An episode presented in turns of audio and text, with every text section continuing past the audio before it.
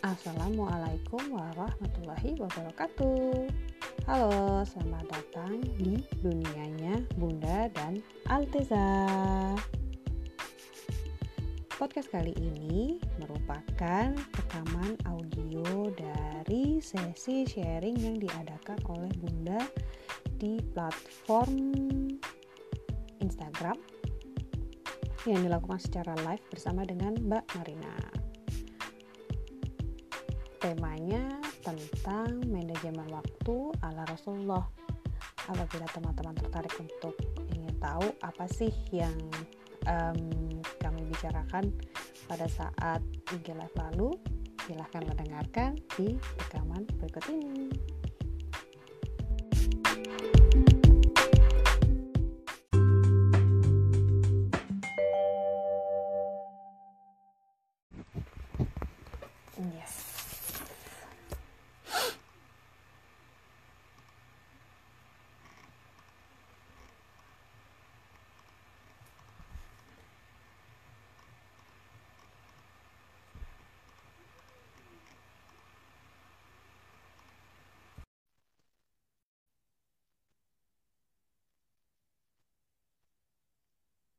Masya Allah, kita berdua aja Mbak. Kita ngobrol Yes. yuk.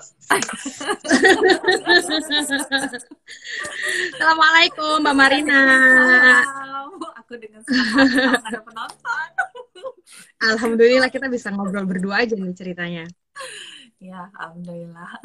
Mudah-mudahan aja nih. Ntar lu aku kayaknya mesti... eh, oh, udah. Soalnya kalau Nah, ada email, tiba-tiba bunyi tring kayak gitu loh Mbak. Kemarin Eh, salahnya terjadi begitu. Ya udah, karena nggak ada nggak ada yang datang, ada kita ngobrol aja langsung.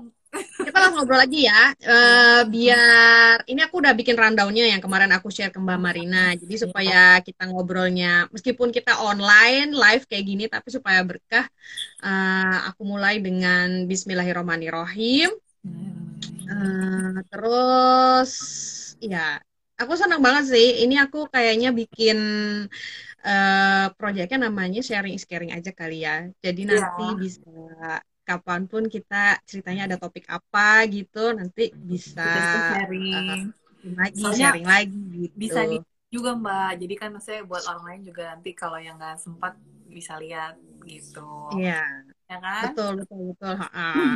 Intinya kalau misalnya tiba-tiba aku ada masalah apa gitu kan terus nanya sama Iya, Mbak Marina oh bisa nih topiknya oke banget terus kita jadi bisa buat sharing catatan catatan iya Genau, jadi biar siapa tahu kan banyak yang juga punya permasalahan yang sama tapi bingung gitu nanya sama siapa. Nah mungkin kalau pas bisa ngeliat jadi oh tercerahkan, oh kayak gini ternyata masalahnya sama, jadi bisa ada temennya, jadi terus bisa dapat solusinya bareng-bareng gitu. Ya. Insya Allah Insya Allah Insya Allah.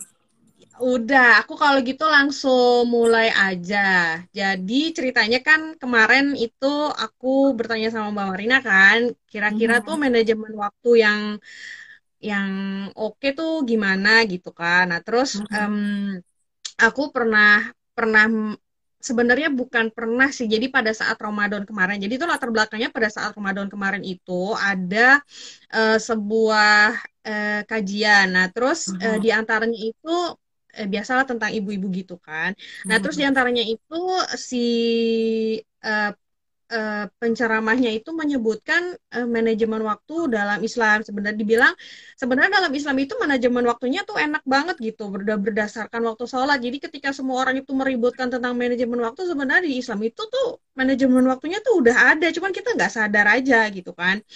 Nah, terus eh, aku kayak, hmm, iya juga ya. Terus aku keingetan pernah suatu ketika aku masih inget di rumah yang lama, Mhm. itu mm, Mbak pernah menyebutkan tentang manajemen waktu itu gitu. Mbak membagi-bagi berdasarkan waktu sholat. Aku masih inget inget kalimatnya gitu ceritanya. Terus aku pikir, wah kayaknya ini cocok nih kalau misalnya aku nanya langsung sama Mbak Marina gitu. Mhm. Ya udah, jadi eh langsung aja kali ya. Kira-kira manajemen waktu menurut eh, Islam atau tepatnya menurut Rasulullah Shallallahu Alaihi Wasallam itu kayak gimana sih Mbak?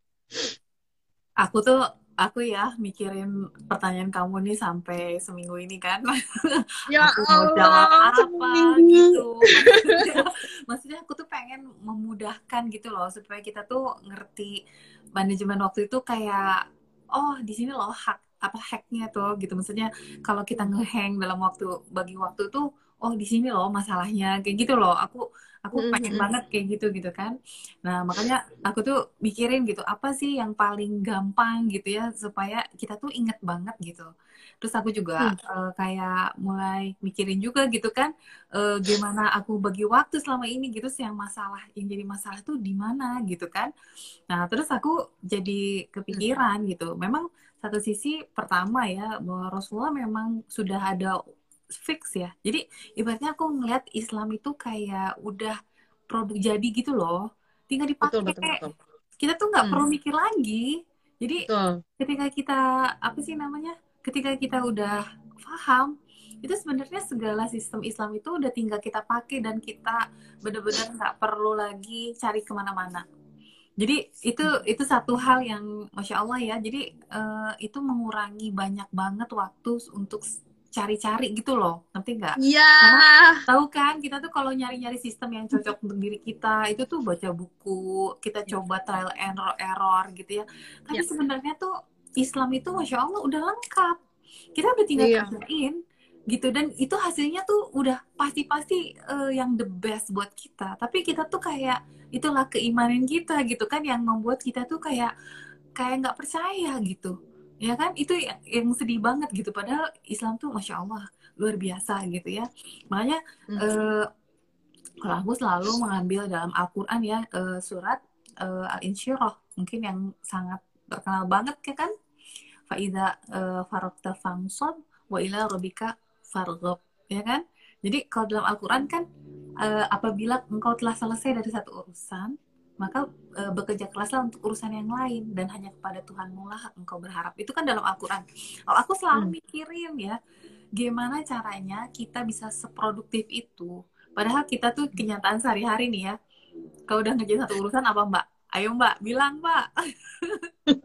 Tepar tim goler-goler in the end terus nggak iya, beres. Tim goler-goler gitu. Maksudnya kita tuh kalau udah bener-bener sungguh-sungguh mengerjakan satu urusan itu kita nggak bisa dalam seperti dalam surat al-insyirah gitu.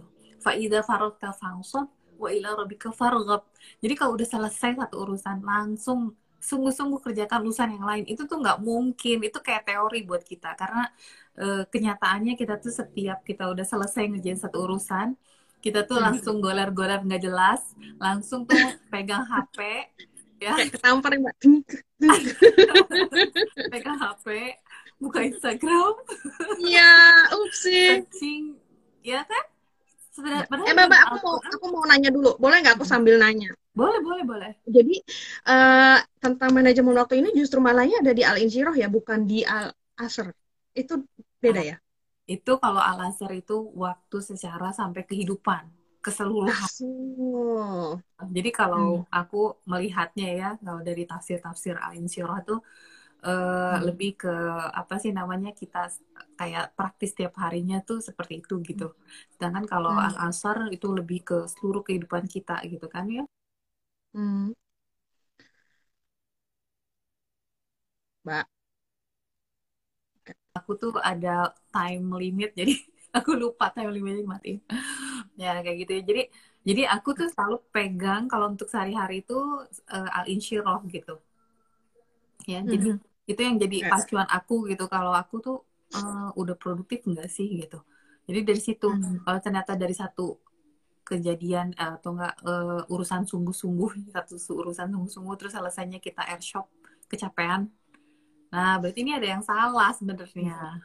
Karena sebenarnya kalau dalam Al-Quran tuh dari satu sungguh-sungguh pindah lagi ke yang lain langsung konsentrasi lagi. Masya Allah ya aku sampai kadang-kadang kalau gitu ada yang masalah dong dengan kita. Kenapa sih kita nggak bisa seperti dalam Al-Quran sebutkan? Ada yang masalah hmm. dong dengan kita. Kenapa sih kita nggak bisa seproduktif Rasulullah gitu kan? Kan Rasulullah dari tidur sampai tidurnya lagi tuh super produktif ya. Jadi kalau ya. kita lihat bagaimana uh, fungsi Rasulullah, bagaimana Rasulullah punya keluarga, istrinya aja ya. udah banyak ya. Berarti tanggungannya ya. banyak gitu. Terus ngurus umat Betul. juga. Terus ibadahnya nggak ada yang bisa ngalahin Rasulullah ya masya allah gitu ya. Jadi bagaimana produktifnya Rasulullah tuh udah yang udah yang sempurna banget gitu. Sedangkan kita boro boro-boro produktif gitu. Satu urusan capek goler-goler gitu kan tim rebahan. Urusannya cuma dua jam lebahannya tiga jam lima jam. Nggak jelas gitu ya. Jadi ini bagaimana kita mau membagi waktu seperti Rasulullah? Kan itu yang jadi masalah. Terus gimana kita bisa happy? Sedangkan yang terjadi kita tuh kalau satu urusan dikerjain dia tuh capek kan? Lelah lahir batin. Lelah hayati gitu kan ya. Jadi udah nggak bisa ngapa-ngapain lagi. Nah makanya tuh aku tuh mikirin ini ya dari seminggu ini. Terus akhirnya aku ketemu tuh mbak. Hacknya tuh di mana? Uh, akhirnya menurut aku nih ya orang ya. bisa produktif itu dua hal ya bentar bentar aku sama nyatet ya boleh, boleh. dua jadi orang bisa produktif sampai seperti level Rasulullah para sahabat lah ya kalau Rasulullah kita nggak hmm. mungkin hmm. lah ya tapi minimal para sahabat tuh ada dua hal yang harus kita benar-benar pikirin dua hal ini kalau seandainya kita dua hal ini uh, tercapai maka kita akan bisa produktif seperti Rasulullah ya so, hmm. yang pertama adalah sehat mentally sehat mental ya nah, oke okay. yang kedua sehat fisik makanya kalau sehat fisik Ah, so. Jadi sehat mental itu bukan cuma mentali ya, karena kan kalau dalam Islam tuh hmm. sehat mental itu adalah orang yang benar-benar beriman kepada Allah dengan segala artinya, ya. Jadi ketika hmm. kita beriman, itu pasti kita sehat mental, ya. Dan kemudian baru kemudian sehat fisik. Karena kalau orang yang sehat mental, walaupun fisiknya ancur-ancuran sakit kayak apa, itu nggak akan kenapa-kenapa sih. Walaupun pasti akan berubah gitu secara produktivitas ya kan orang yang misalnya ya. punya uh, maaf maaf nih ya uh, cacat misalnya sehingga itu kan dia pasti bakal agak agak lebih lama gitu ya untuk mencapai sesuatu jadi hmm. mungkin produktivitasnya uh, tidak seperti orang yang sehat benar-benar fisiknya benar-benar full gitu kan. Nah makanya hmm. itu jadi dua hal ini karena kalau udah dua hal ini tercapai itu kita pasti bisa. Nah masalahnya kenapa kita tuh uh, sering uh, meng apa ya self destruction ya merusak diri kita sendiri mm, ya. mm, mm, mm. jadi kenapa karena ya mental kita ada yang salah gitu loh mbak kita melihat okay. tugas soal ya jadi sekarang gini kita mau pakai to do list model apa pun mau pakai teknik membagi waktu model apa pun kalau kita hmm. mentalnya hmm. adalah mental mellow mental nggak tahu ya mental patah hatian baperan itu tuh pasti akan ada kekacauan dalam pembagian waktu kita benar nggak hmm. ya kan kita udah buat hmm. set waktu wah pengen produktif akhirnya ujung-ujungnya ada sakit hati nih udah ada bubar hari itu ya kan? Ya. ya kan kita kecewa sama orang bubar. Kita udah rencanain nih hari ini mau ngerjain ini ngerjain itu ngerjain itu. Tapi ternyata gara-gara kita kecewa terhadap sesuatu bubar. Hari itu tuh udah langsung nggak nggak mood lagi gitu loh. Iya. Iya kan?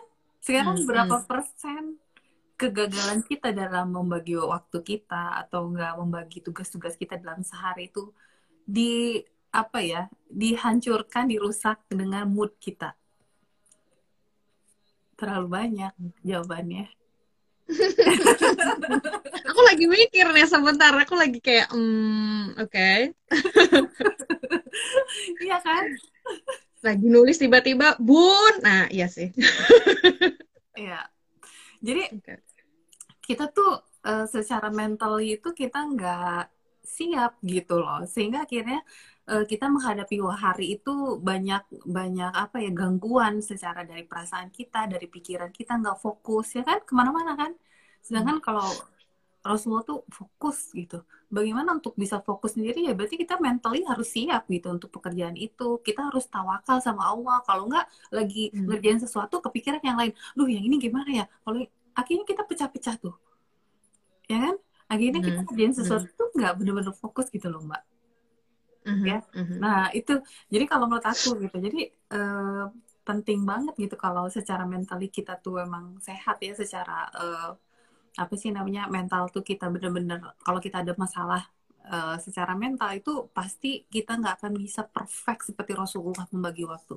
Nggak akan bakal bakal susah banget gitu ya mm-hmm. kalau Rasulullah deh dari satu dari satu sholat ke satu sholat yang lain perfect semuanya ya mm. misalnya kapan uh, makanya kenapa Rasulullah tuh kalau tidur uh, sadari isya tuh langsung tidur karena emang benar-benar malam itu adalah waktu tahajud perfect bangun jam segitu terus sholat jam segitu terus eh, perfect semuanya akhirnya kita dan hmm. kalau kita kan kalau soal-soal nih ngikutin Rasulullah tidur habis isya bangun habis subuh gitu.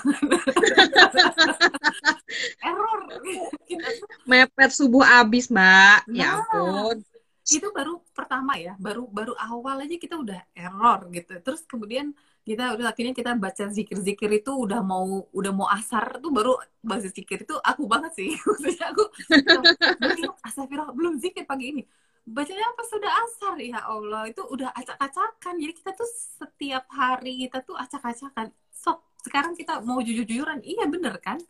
Terus bagaimana kita mau lebih produktif gitu. Sedangkan kalau Rasulullah tuh bener-bener membagi waktu tuh Masya Allah rapi dan bukan cuma rapi aja tapi kemudian ada energi untuk ngerjain itu. Kalau kita udah ngerjain nih hmm. baca tilawah banyak uh, tahajud pagi-pagi udah siang udah tepar sampai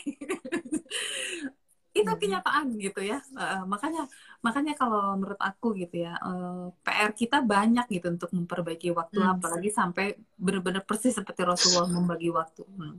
nah sekarang bagaimana caranya supaya kita bisa fix ya diri kita sendiri gitu kan dengan kondisi hmm. seperti ini nah ada juga aku lihat bagaimana Rasulullah mengajarkan kita tuh uh, apa ya uh, jadi aku melihat Rasulullah tuh customize dalam hal uh, mengatur waktu. Contohnya gini, hmm. kalau seandainya kita mau sholat nih, ya sholat kan yeah. bagusnya tepat waktu ya. Nah, yeah. Tapi kemudian yang terjadi apa? Oh ternyata ada yang makanan udah jadi keburu makan, ya hidangan keburu dihidangkan. Maka yang harus terjadi yeah. apa? Maka makan dulu baru sholat. Hmm. Itu customize gitu dalam artian kita nggak nggak fix segala sesuatu tuh harus ya uh, nggak fix gitu. Jadi Rasulullah tuh jadi kayak misalnya gini Rasulullah nih puasa nih puasa. gitu. jadi nggak nggak saklek. Hmm. nah, Rasulullah misalnya puasa nih puasa sunnah. Kemudian tiba-tiba uh, apa sih namanya Aisyah Aduh, nyampe rumah. Bukan enggak kalau undangan itu udah jelas ya kita langsung Rasulullah hmm. batalin. Tapi Aisyah sampai rumah masak. Rasulullah langsung bilang okay. emang aku emang nggak puasa gitu loh. Padahal tadinya puasa atau enggak pas datang ke rumah Aisyah nggak masak karena nggak ada yang bisa dimasak. Maka Rasulullah emang hari ini aku mau puasa. Itu apa ya Masya Allah kalau menurut aku uh, jadi semua tuh customize gitu ya. Uh -uh. jadi ya fleksibel. Jadi bagaimana kita membagi waktu apa bereaksi terhadap situasi kondisi itu fleksibel. Maka tapi tetap harus ada yang dipegang kan sefleksibel fleksibelnya ada yang harus dipegang hmm. yaitu prioritas karena kita harus tahu prioritas makanya kalau kita mengerti prioritas dalam Islam itu apa sebenarnya segala hmm. sesuatu itu fleksibel jadi kalau seandainya kita situasi kondisi kita nggak nggak ideal, maka kita harus buat fleksibel segala sesuatu sesuai seperti Rasulullah. Jadi orang yang fleksibel mengatur waktunya, dia akan hmm. menjadi orang yang sangat produktif. Karena dia akan melihat oh situasi kondisi di, di matchkan dengan segala sesuatu yang terjadi ya. Kemudian mengambil situasi kondisi yang apa sih namanya yang paling uh, optimal dari semua itu. Nah itu kalau menurut aku gitu ya. Soalnya kalau kalau seandainya enggak mbak kerasa banget ya kayak gini. Hari ini pokoknya aku harus mau ini harus mau ini mau ini mau ngerjain ini ini ini fix. Ternyata ketika tidak terjadi satu akhirnya kita tinggalin tuh semua. Udah ya. Enggak enggak ya. Atau enggak? Depend depend depend depend. Kalau aku depend. Depend uh -uh. jadi maksudnya mm -hmm. kalau terjadi sesuatu jadi kayak ah udah deh kayak nggak bisa. Atau enggak kemudian kita jadi nggak bener-bener mengerjakan sampai uh, nah. bagus. Ya kan? Ya itu. Ya opsi yang itu. Hmm. nah, jadi kayak cuman asal aja ngerjain gitu. Padahal mungkin kita harus benar-benar lebih apa ya fleksibel dan lebih melihat situasi kondisi kemudian uh, melakukan strategi bagaimana caranya dengan sisa waktu itu bisa benar-benar maksimal gitu. Dari tenaga pikiran hmm. nggak jadi cuma setengah sana setengah sini. Gitu kan kita buat to do list setengah sana setengah sini. Terus and the der Woche terus kita ngeliat eh, nggak ada yang dikerjain sebenarnya. Maksudnya ini jadi PR tetap ini jadi PR ini jadi PR ini jadi semua jadi apa jadi PR yang berikut lagi dibawa lagi di minggu berikutnya gitu itu makanya makanya kalau menurut aku gitu ya uh, membagi waktu itu sebenarnya kalau dari Rasulullah sudah fix ya. Apa hmm. yang fix dari Rasulullah? Coba yang pertama tidur. Karena sebenarnya tidur itu penting banget ya kan? Tidur Rasulullah tuh setelah uh, isya ya kan? Karena Rasulullah ya. mengejar amal amal amalan banyak amal amalan uh, sebelum subuh. Nah itu yang pertama kemudian setelah itu uh, sholat ya kan subuh Bentar, aku potong dulu uh-huh. uh, sambil aku nanya ya takut ya, aku lupa pasti soalnya aku banyak banget pertanyaan nih jadi kalau misalnya aku tiba-tiba menanya aku nanya ya iya. Sebentar, berarti tidur setelah Isya. Hmm, itu berapa jam? Nah, maksudnya kan kalau sekarang kan suka banyak tuh kan penelitian-penelitian tentang tidur gitu misalnya hmm. yang efektif bla bla bla gitu. Nah, sekarang kalau iya. kita kembalikan ke Rasulullah sendiri, beliau tuh berapa lama gitu? Nah, kalau aku ngeliat dari Al-Qur'an. Jadi kan soal Aso, okay. dibilangnya soalnya kan orang berbeda pendapat nih ya. Uh, sampai okay. maksudnya jangankan aku ustadz ustadz aja ada yang beda-beda pendapatnya jadi aku nggak akan mungkin lah bisa melebihi ustadz ustadz gitu cuman aku melihat dari logika dari Al-Quran gitu ya jadi sholat hmm. malam itu sepertiga atau dua per tiga malam coba kalau kita hitung hmm. malam itu kalau di di Mekah itu itu kan mulai hmm. jam sembilan lah ya isya itu sembilan malam isya sampai jam empat pagi berapa jam tuh mbak? So dimulainya tuh Isya ya, malam tuh berarti dimulainya Isya ya, bukan maghrib. Oke. Okay. Dari Isya. Jadi makanya Rasulullah tuh tidur setelah Isya gitu kan. Sebenarnya okay. sebenarnya hari Islam itu kan dimulai dari dari apa sih namanya? Hmm. Dari maghrib, tapi yes. namanya malam dihitungnya sholat malam adalah dari Isya. Oke. Okay. Jadi kan coba aja hitung tuh dari Isya misalnya jam 9 lah ya karena kan uh, di Arab tuh sekitar 9 terus gitu kan. Uh -uh jam 9 sampai jam 4 pagi. Oke. Okay. Berapa jam tuh? 4 ditambah 11, 12, 1, 2, 3, 4, 7 ya? Ya, 7. Nah, sekarang hmm. 2 per 3-nya berapa? 2 per 3 dari 7? Iya. 2 jam? Eh, 4 ya? 4 jam. Nah, 2 per 3. Hmm. Benar nih aku tuh orang matematik tapi kok eh, nggak tahu ya kok kalau itu oh iya dua per tiga dari tujuh empat empat setengah iya ya sih jadi kan tujuh dikali dua per tiga jadi empat setengah jam jadi empat setengah jam hmm. itu dipakai untuk sholat malam atau enggak kalau kalau enggak ya dimudahkan supaya sepertiganya. Jadi kan sekitar tuh berapa tuh? Empat setengah jam uh, kurangi jadi dua setengah jamnya tidurnya doang Rasulullah tuh sekitar itu. Jadi kalau aku ngever ya sekitar dua setengah tiga jam Rasulullah tidur kemudian sholat. Karena Rasulullah menghabiskan uh, surat Al-Baqarah Ali Imron hanya dalam satu rakaat sholat. Bisa dibayangin kan kira-kira. Kalau kamu sholat di belakang Rasulullah apa yang terjadi? Pingsan. Jadi kemarin biasa. aja pas tarawih beberapa lembar aja kayak ngeding. kita, kita tuh ya Allah kita tuh secara fisik lemah banget gitu ya. Saya banyak banget yang kita harus perbaiki supaya bisa sampai uh, se apa ya secara fisik dan mental seperti Rasulullah. Makanya itu kita kan belajar terus Islam.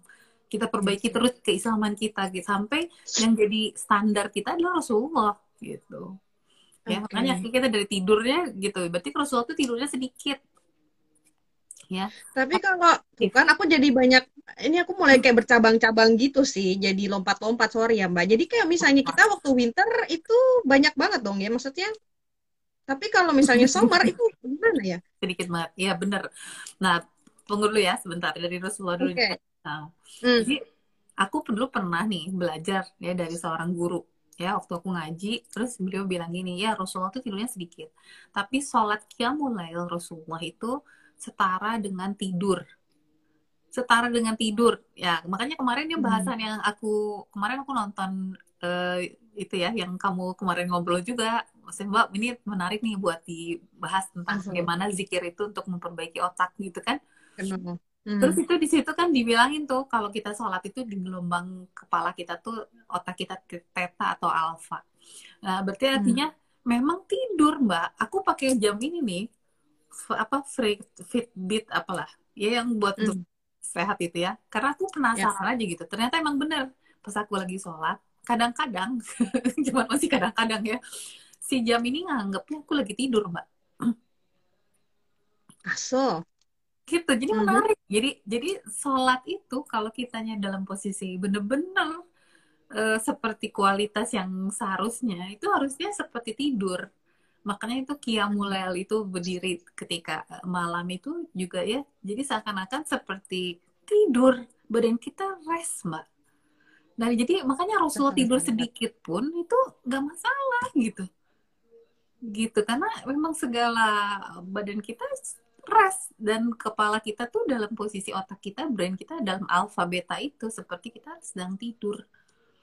Tapi Nah, bukan tidur dalam sholat bukan kan? tidur ya pak please mbak itu aku oh. Pas terawih kemarin kayaknya aku sempet tiba-tiba kok udah sujud. Oke.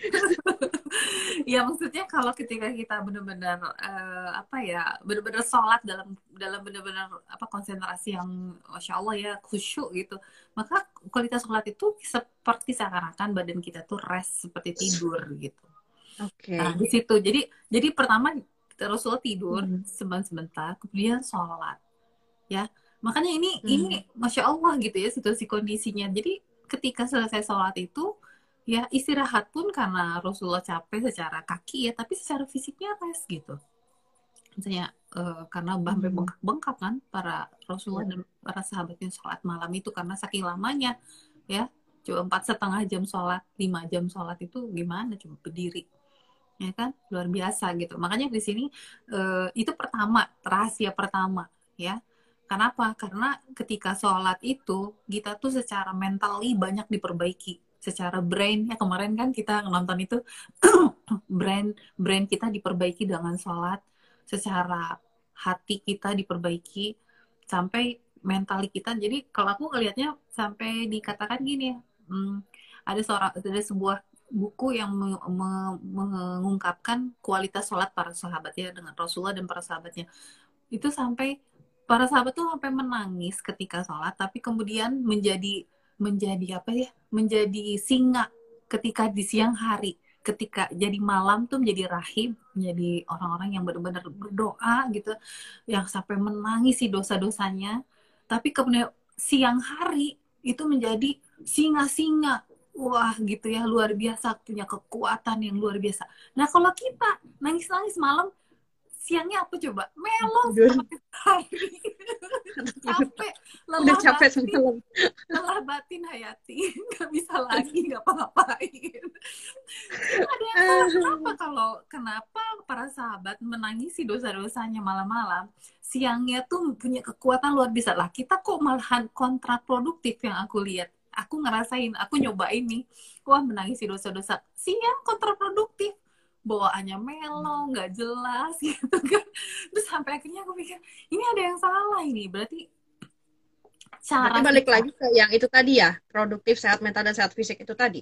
Iya, iya, di situ. Makanya kita kita kalau mau mau mau produktif, kalau kita secara mentally belum siap itu, pasti ada di abort ya gitu ibaratnya di di apa sih digagalkan sama diri kita sendiri dengan pikiran buruk kita berapa banyak sih kita coba mikir negatif suuzon sama Allah suuzon sama orang banyak hal yang akhirnya membuat eh, produktivitas kita dalam sehari itu kacau Oke. ya kan? Nah, kayak Mhm. gitu. Atau enggak kita overthinking terhadap sesuatu. Ah, nanti gini gimana ya? Khawatir. Akhirnya kita mengerjakan sesuatu tapi seperti cuman checklist saja, tapi nggak bener-bener dengan kualitas terbaik. Udah. Us, mantap. Quote of the day. Jelas buat aku sendiri juga soalnya. kayak gitu gitu.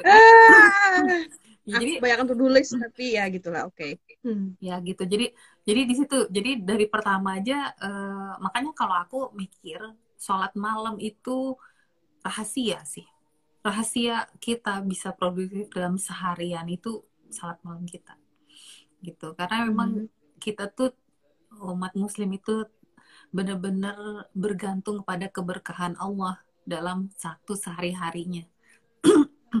Karena kalau kita nggak eh, hari-hari kita nggak berkah itu berat gitu loh mbak. Maksudnya eh, kita hidup seperti orang-orang kafir ya misalnya membagi waktu dengan to-do list mereka dengan cara berpikir mereka itu nggak bisa gitu. Nggak bisa. Kita membutuhkan kekuatan lebih gitu loh untuk untuk lebih baik dari mereka. Karena kan Islam itu turun menyempurnakan kan. Kita tuh hmm. dijadikan oleh Allah sebagai apa uh, sebagai rahmatan lil alamin. Bayangin, hmm. saya kita lebih unggul dari orang-orang yang kafir. Bayangin. Jadi hmm. kalau kita pakai sistem orang-orang kafir gitu, misalnya bagaimana mereka membagi waktu, aku nggak bilang itu jelek, tapi uh, itu kurang gitu. Gitu jadi, kalau menurut aku. Waktu mat, aku tadi tertarik dengan jadi sholat malam sebagai kunci produktivitas. Jadi maksudnya supaya lebih produktif kita juga menggiatkan lagi sholat malam gitu mbak atau jadi gini ya itu kayak satu sistem gitu loh mbak bahwa gimana kita uh, kita ruih gitu ya kita tenang kita yakin kepada Allah maka kita menghadapi hari itu dengan positif positif ya positivity yang benar-benar tinggi kemudian kita juga semangat. Itu itu jadi kayak bahan bakar buat kita seharian. Tapi kalau kita udah nggak sholat malam, berantakan, sholat ibadah berantakan, sholat kita kelewat, itu tuh itu tuh kita udah ibaratnya tenaga kita tuh udah habis banyak. Akhirnya kita mengerjakan sesuatu itu kayak nggak ada impact gitu loh. Hmm. Okay. Gitu. Uh -uh. Makanya itu uh, kita kita makanya aku pengen bilang bahwa orang muslim itu waktunya nggak sama dengan orang kafir. Kita tuh bener-bener menghadap uh, apa sih mengharapkan keberkahan dari Allah. Makanya dari satu sholat kita usahakan sholat on time. Kita bagi waktu kita sesuai dengan sholat. Dengan terus bagaimana kita berzikir itu menjadi bener-bener kekuatan kita. Karena kalau tanpa itu hmm. semua kita akan sama dengan orang kafir dan orang kafir itu mengerjakan sesuatu uh, apa sih namanya banyak banget waktu yang dihabiskan untuk uh, satu hal. Sedangkan kita tuh diminta sama Allah itu untuk membagi waktu itu bukan cuma kerja bayangin ya orang kerja untuk berbisnis sampai 24 jam itu kayaknya 18 jam coba pernah suka dengar nggak Elon Musk misalnya cerita bagaimana dia membangun bisnis Elon Elon Musk tahu nggak Elon Musk pokoknya orang-orang yang terkenal terkenal kayak gitu deh gitu ya hmm. bagaimana dia kerjanya tuh gila-gilaan gitu misalnya Bill Gates atau apa pokoknya terkenal terkenal gitu bagaimana mereka tuh membagi waktunya kalau aku mikir loh Padahal kan kita kan diminta sama Allah dengan Rasulullah diajarkan 8 jam, ya kan? Tiga, dibagi tiga kan waktu itu kan? Mm-hmm. Satu buat Allah, satu buat keluarga, ya kan? Eh buat di, buat dirimu keluarga, terus sama untuk usaha gitu kan? Jadi ini kan harus dibagi tiga inilah. Kalau seandainya kita habis untuk kerja semuanya, kapan lah kita? Halo, Alteza, assalamualaikum. Waalaikumsalam.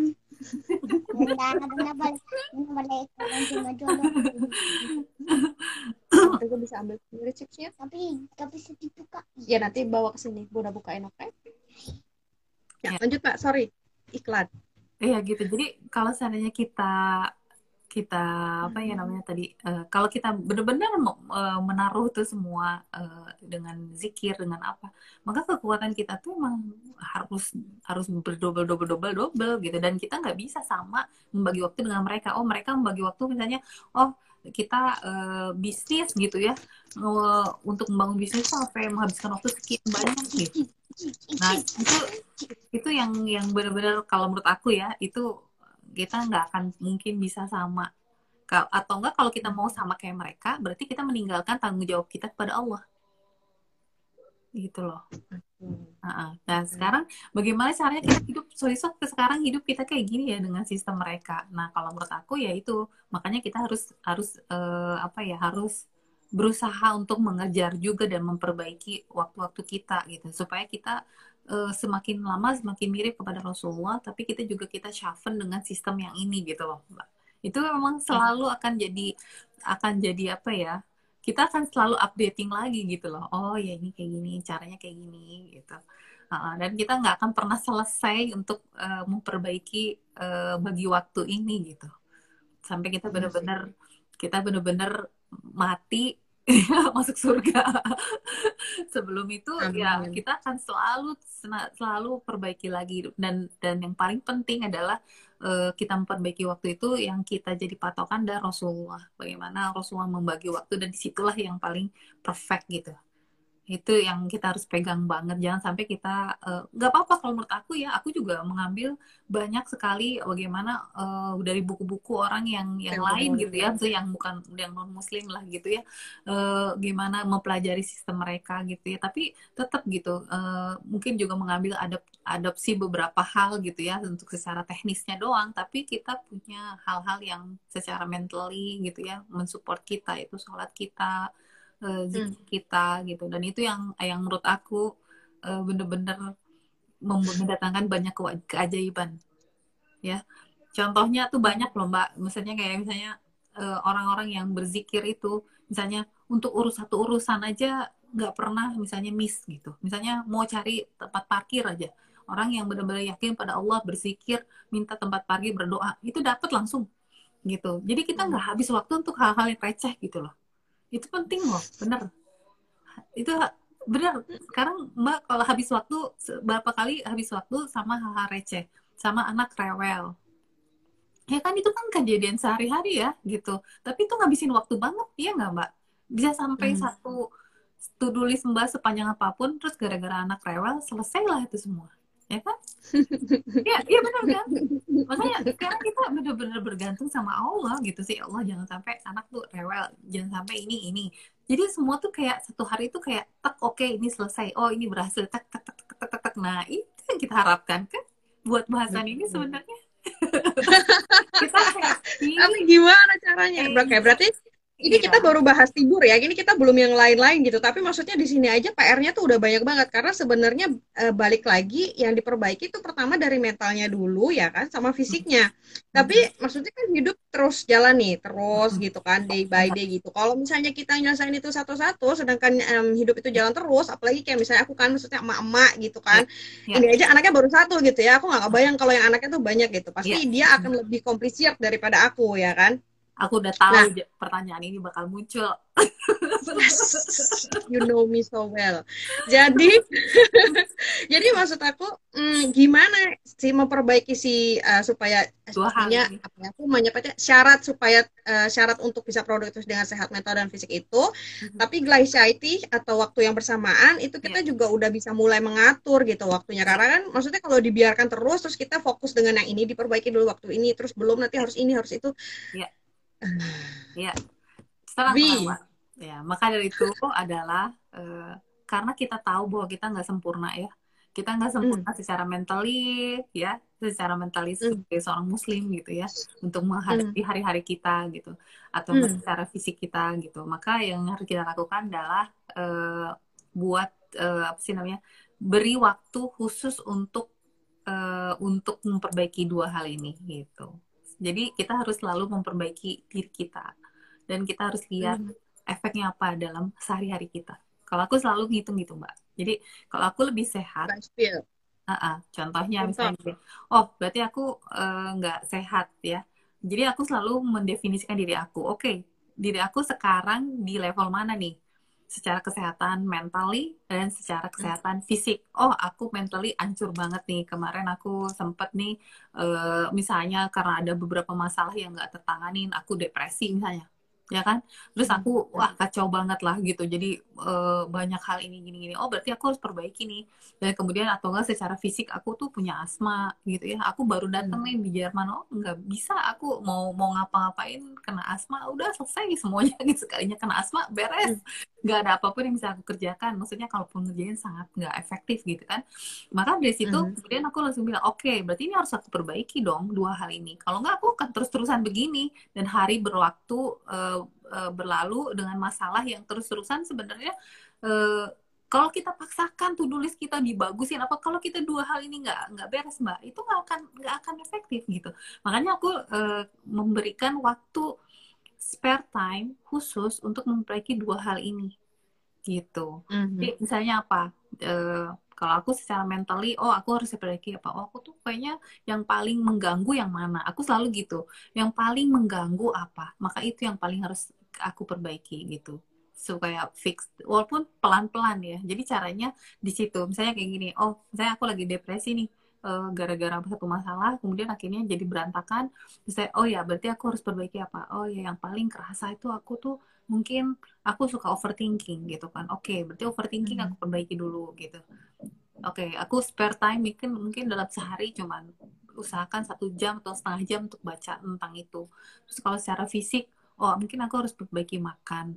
Kayak gitu. Jadi ada waktu kalau kalau aku lihat orang-orang ada kemarin aku lihat ya ada blog apa youtuber uh, dari luar negeri gitu. Terus dia bilang gini iya kalau aku selalu uh, memberikan waktu admin time admin time untuk membagi waktu itu.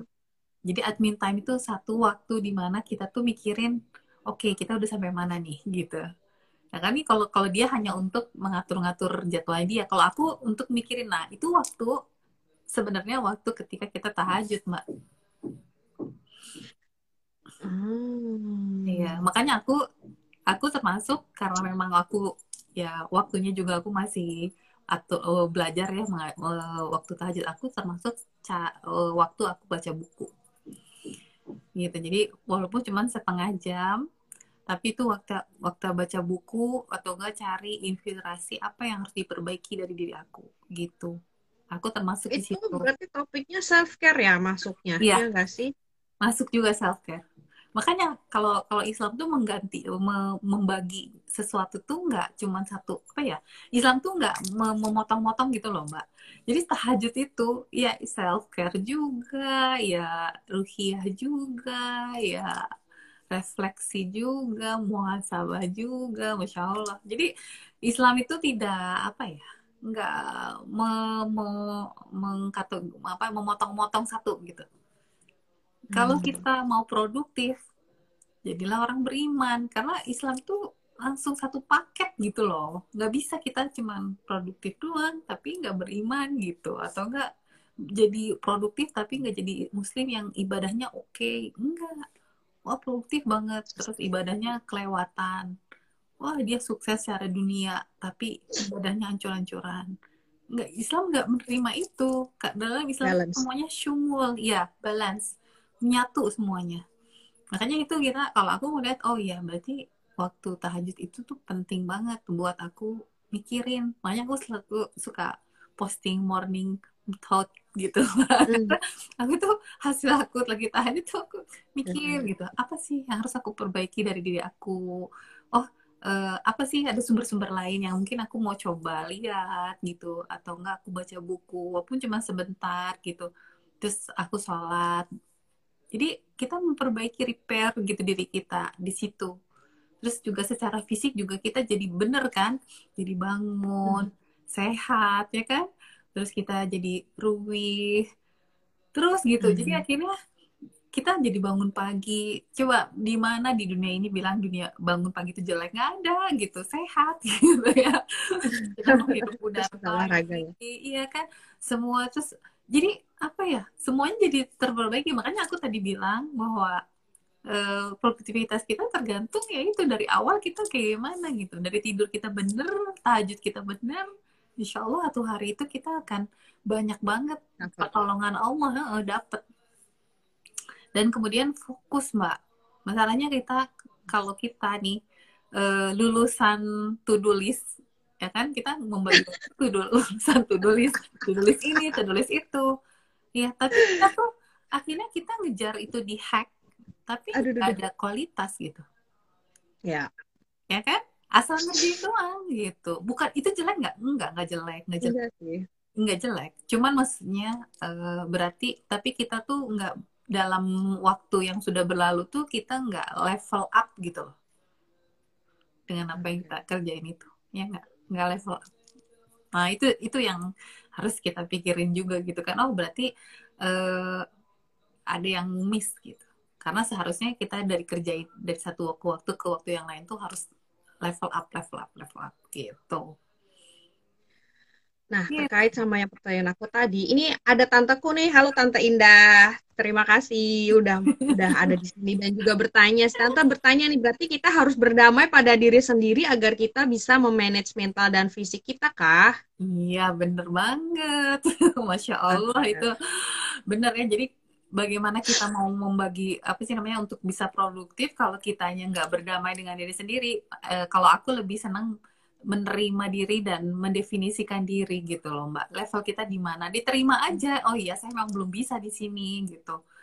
Diterima tapi kemudian dari penerimaan itu terus apa yang bisa kita kerjakan? Karena daripada kita terus-terusan menyesali diri ya nggak? Kalau kita kalau gagal tuh langsung kenapa sih saya kayak gini? Kenapa sih saya kayak gitu? Itu tuh udah yang habis kita energi hanya gara-gara menyesal menyesal yang nggak perlu gitu loh. alasan dan menyesal. Jadi nggak fokus pada untuk mencari solusinya ya. Iya uh -uh. makanya kalau aku selalu menyesali itu kalau bisa hanya pas lagi tahajud aja. Nangis minta ampun sama Allah. Tapi dalam hmm. lewat tahajud berhenti do it gitu.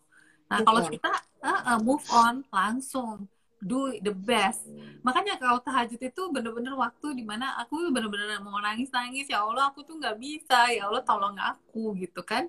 Aku tuh nggak bisa ngerjain ini ini. Aku tuh males banget. Aku tuh nggak ada motivasi. Kasih aku motivasi gitu-gitu sampai nangis-nangis. Selesai tahajud selesai udah move on jalan.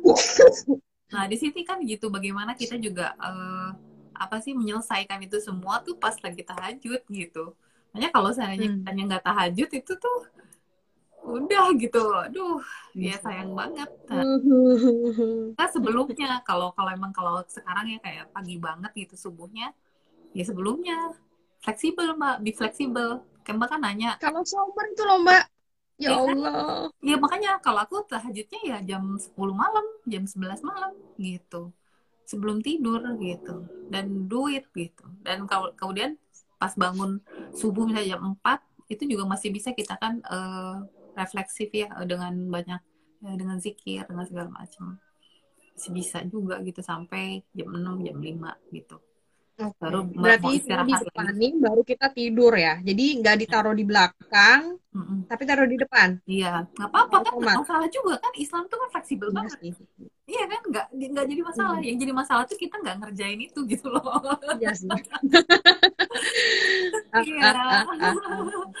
iya gitu. Jadi jadi bener-bener uh, kalau kita nggak menerima diri kita, nggak menerima kesalahan-kesalahan kita, ya mesti kita punya banyak masalah mental, itu biasanya hmm. sih kita nggak akan bisa produktif sih sampai kapan juga. Walaupun kita usahakan itu bakal ujung-ujungnya burn out atau enggak stres kayak gitu gitu gitu kalau menurut aku kalau gitu sebenarnya masih banyak pertanyaan dari aku, Nih. cuman kayak aku harus mer, me, uh, mengeliskan itu satu-satu supaya jadi kayak runut gitu, karena langsung kayak twing twing twing twing gitu. Oh, ini banyak pertanyaan tau enggak ternyata?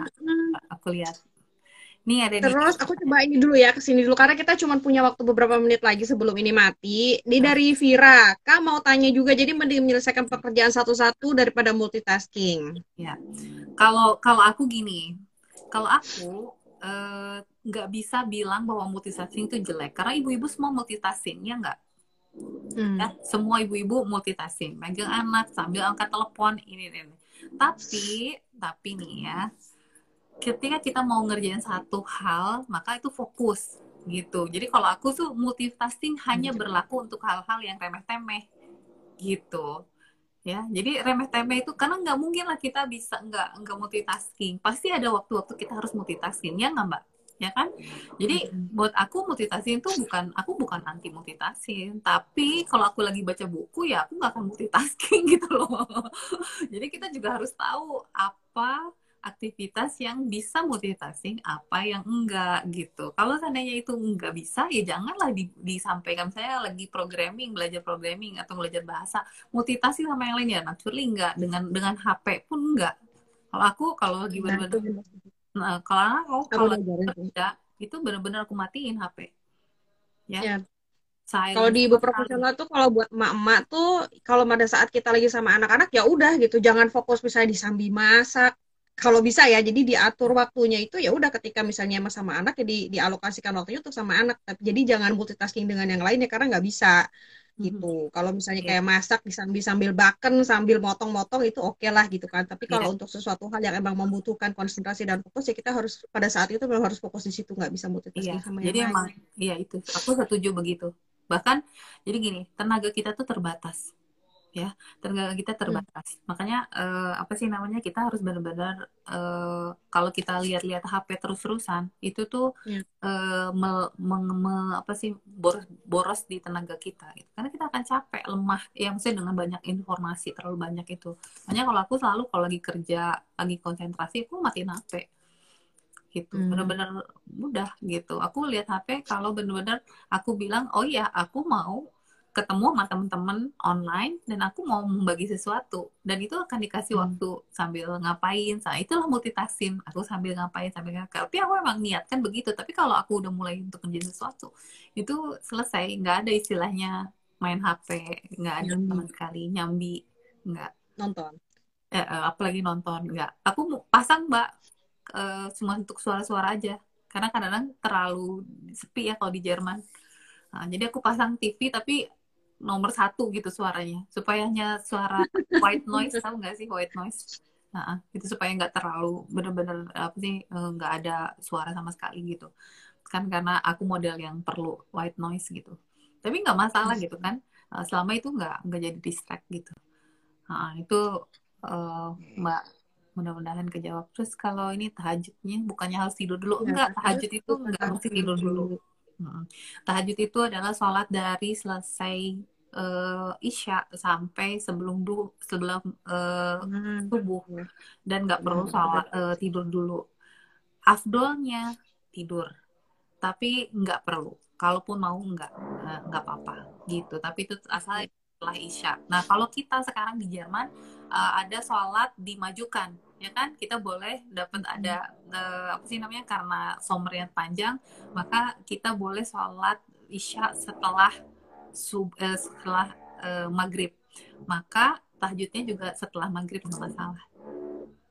Jadi Langsung dong ya. Jadi maghrib maraton. eh, maraton. Makanya aku juga kalau itu jam 10 udah azan langsung maraton sampai jam setengah 12 atau jam 11 gitu. Itu Wah, problematiknya kalau buat emak-emak ke anak-anak sih, Mbak. mhm. Karena anak udah tidur jam segitu kan?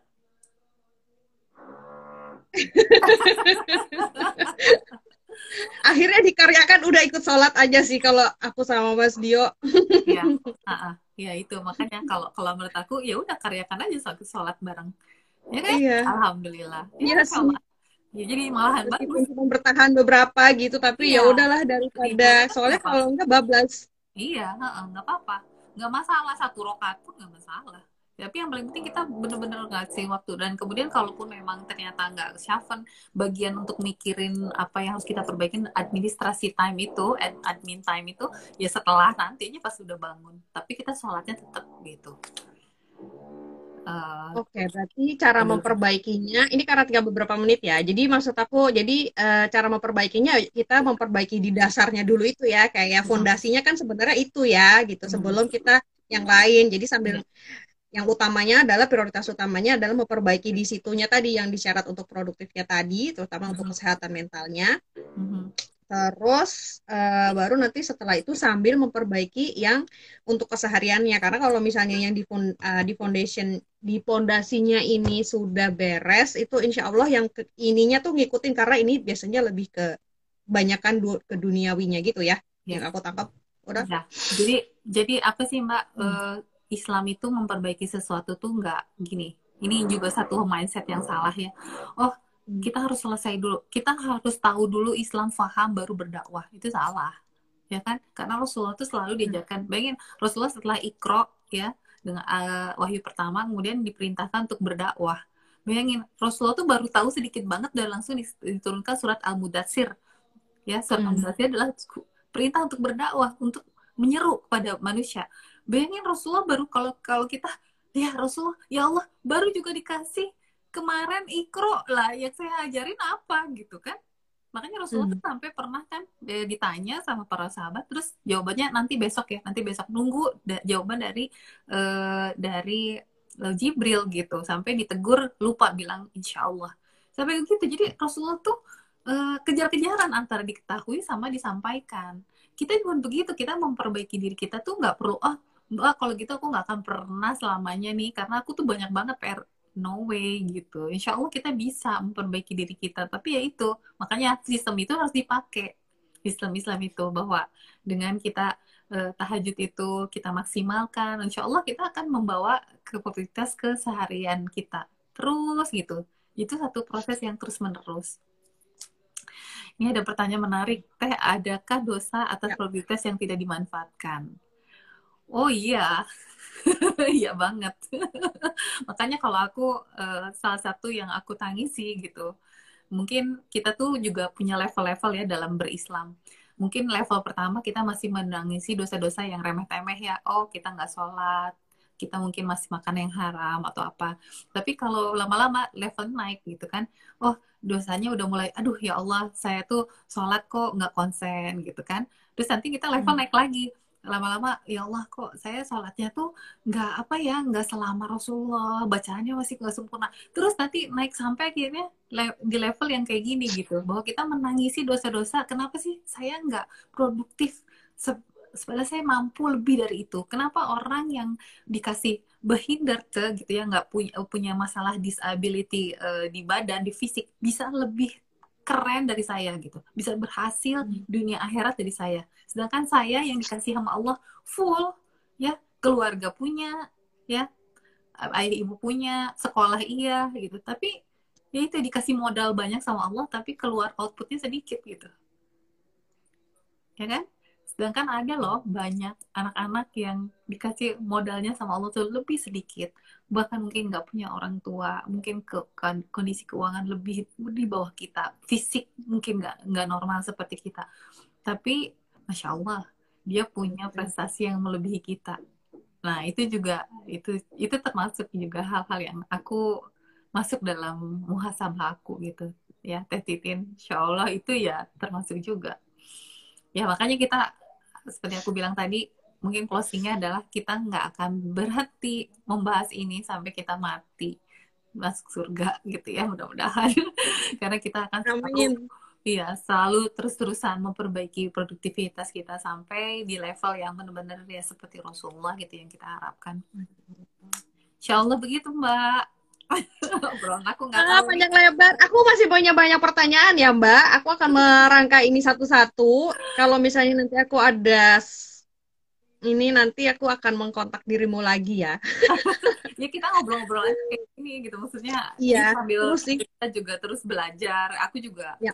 mikir lagi gitu ya karena kan eh, ya nggak nggak ada yang udah lebih seperti Rasulullah ya nggak ada. Belajar Kapan- terus. kita terus belajar. Ya kamu belajar aku belajar ya. Kita sharing aja di sini. Kali-kali teman-teman di sini yang dengar juga sama-sama belajar bisa saling ngasih masukan bertanya. Kadang-kadang kalau orang bertanya kita jadi mikir lagi gitu kan Iya ya sih. insya Allah Ya, kita bukan sharing-sharing yang keren-keren kita di sini ya, orang-orang Ya sehari-hari Justru kadang yang sehari-hari itu yang em, sebenarnya itu permasalahan kita sehari-hari sih sebenarnya gitu Ya. kan.